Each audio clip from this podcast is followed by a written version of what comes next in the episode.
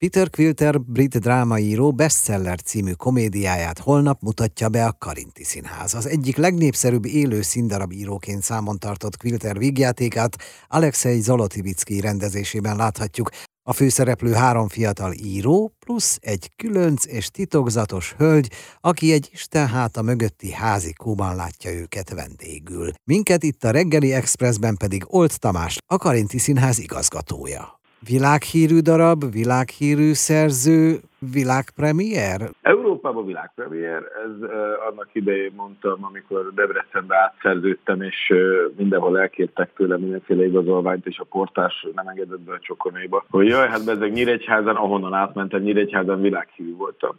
De hogy a Karinti Színház ettől függetlenül egyértelműen a gyökér csakra közepén húzódik, és, a világ közepe, de, de én nem tudtam, én, én azt hittem, hogy már bemutatták máshol Európában, azt tudtam, hogy Magyarországon még nem, csak amikor bekértem a, a jogokat, és ugye le kell ilyenkor mindig adni, hogy ki lenne a fordító, fordítótól életrajzot, és ezt a darabot most én fordítottam, és amikor elküldtük az életrajzomat és a jogkérőt, akkor azt hiszem, másnap kaptam egy üzenetet Messengeren a, a Peter Piltertől, a, ugye a szerzőtől, hogy, uh-huh. hogy jaj, de örül, most kapta meg a kérést, hogy én fogom fordítani. Jaj, de boldog, hogy a Karinti Színházban lesz az európai ősbemutató. Úgyhogy én tulajdonképpen a szerzőtől tudtam meg, hogy nálunk van az európai ősbemutató a darabnak. A szerző pedig szerzőkről írt darabot. Azért tetszett meg eleve az alapötlete is ennek az előadásnak. Ugye a csodás Vándor Éva, aki régóta játszik nálunk, újra felbukkan itt az egyik főszerepben. Ő üzemeltet egy kis házikót, ahol nincs internet, viszont pocsék az idő, és a telefon sem mindig működik. Ideális környezetet teremt azoknak a úgymond válságban, írói válságban élő íróknak, akik nem tudják befejezni a regényeiket, pedig a határidő az az bizony adott, és ezért ő hozzá úgymond írni, dolgozni járnak ezek az írók. És három különböző stílusú író érkezik hozzá. Az egyik, aki, aki romantikus, habos-babos, végtelenségig eltúlzott és nagyon vicces lányregényeket ír, a másik, aki horror és thriller könyveket ír, és mindent a csodavérbe, a harmadik pedig a, a, az igazi művész próbál lenni, és az élet drámáiról próbál írni, na ő az, akinek ugye egyáltalán nincsen semmilyen ötlete, és az, a, az az érdekessége még az előadásnak is a remek találmány, hogy amit ők írnak, az megelevenedik a színpadon. Tehát nem csupán beszélnek róla, nem csupán az ő sztoriukat látjuk, a saját történetüket, hanem amiket írnak, azokat is. Tehát ez igazán hogy is mondjam, csak egy ilyen jutalomjáték, pláne Mohácsi Norbinak és Mik, Kovács Vecei Fanninak, akik, akik az összes olyan karaktert játszák, akik a könyvekből lépnek ki és megelevenednek, hiszen ők teljes, tehát három teljesen különböző stílusban három teljesen különböző karaktert játszanak. Aztán, ahogy egyre jobban megyünk a történetbe, az alap szereplőink is, tehát az íróink is, aki Mészáros András, Miketes Tilla és Karácsony Gergely, ők is már bebeszállnak a történetekbe, tehát tulajdonképpen mindenki több karaktert tud magára ölteni. Ez úgy gondolom, hogy a, mindig a nézőnek is egy, egy nagyon kellemes utazás és egy jó felfedezés, a színésznek meg egy páratlan lehetőség arra, hogy megmutassa, hogy neki milyen sok arca van. Közben pedig a, a darabot az az Alexei Zolotovicki rendezi, aki előtte a Bukaresti Nemzeti Színházban, előtte a Bálsolyban, tehát hogy oh hogy elég jelentős helyeken jegyzik az ő munkáit. Most ezek a helyek kihúzhatják magukat, mert a Karinti Színházzal egy lapra kerültek.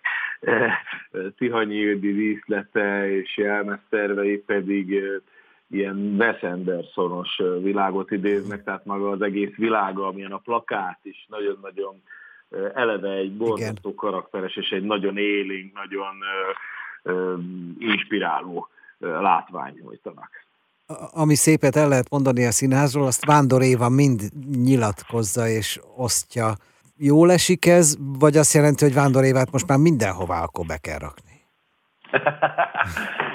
jól esik, és, és ez Éva igazmondását dicséri. Évával nagyon, nagyon szeretek együtt dolgozni, unokaöccsével jártam én egy osztályban.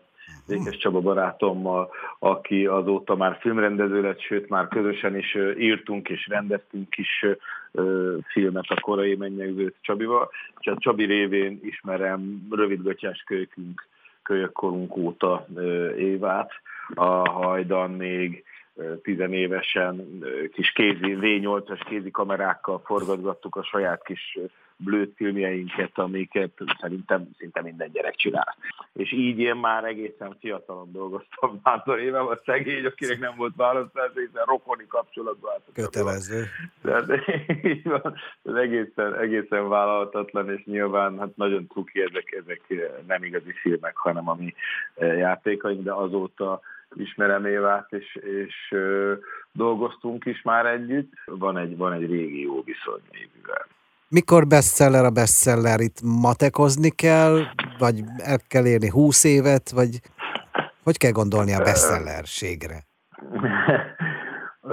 Amikor fordítottam, először azt a címet kapta, hogy sikerdarab. Majd egy láttam leírva, rögtön hogy elképzeltem, hogy mi nem a bestseller címen, hanem ugye ez megint egy olyan szó, ami magyarul is bestsellernek hívjuk, Igen. nem sikerkönyvnek, hanem bestsellernek, ezért úgy gondoltam, hogy maradhat az eredeti címe. Mert amikor kiírtam, hogy sikerdarab, akkor olyan kis szerénytelenségnek tűnt, elképzeltem, hogy plakátjaink elárasztják a várost, hogy sikerdarab. Mi van, ha nem lesz siker? De, de nagyon remélem, hogy az lesz. Én mindenképpen úgy gondolom, látva már próbákat, látva a díszletet, jelmezt, beszélve sokat a rendezővel, tudván a koncepciót, hogy ez egy olyan különleges dolog lesz, amit, amihez hasonlót se találnak meg a magyar nézők sehol máshol. Tehát én bízom benne, hogy, hogy sokáig tudjuk játszani az előadást. Sok sikert, kéz és lábtörést kívánunk egy igazi bestsellerhez. Holnap lesz a bemutató a Karinti Színházban. Itt a reggeli Expressben az igazgatóval, Olt Tamással beszélgettünk.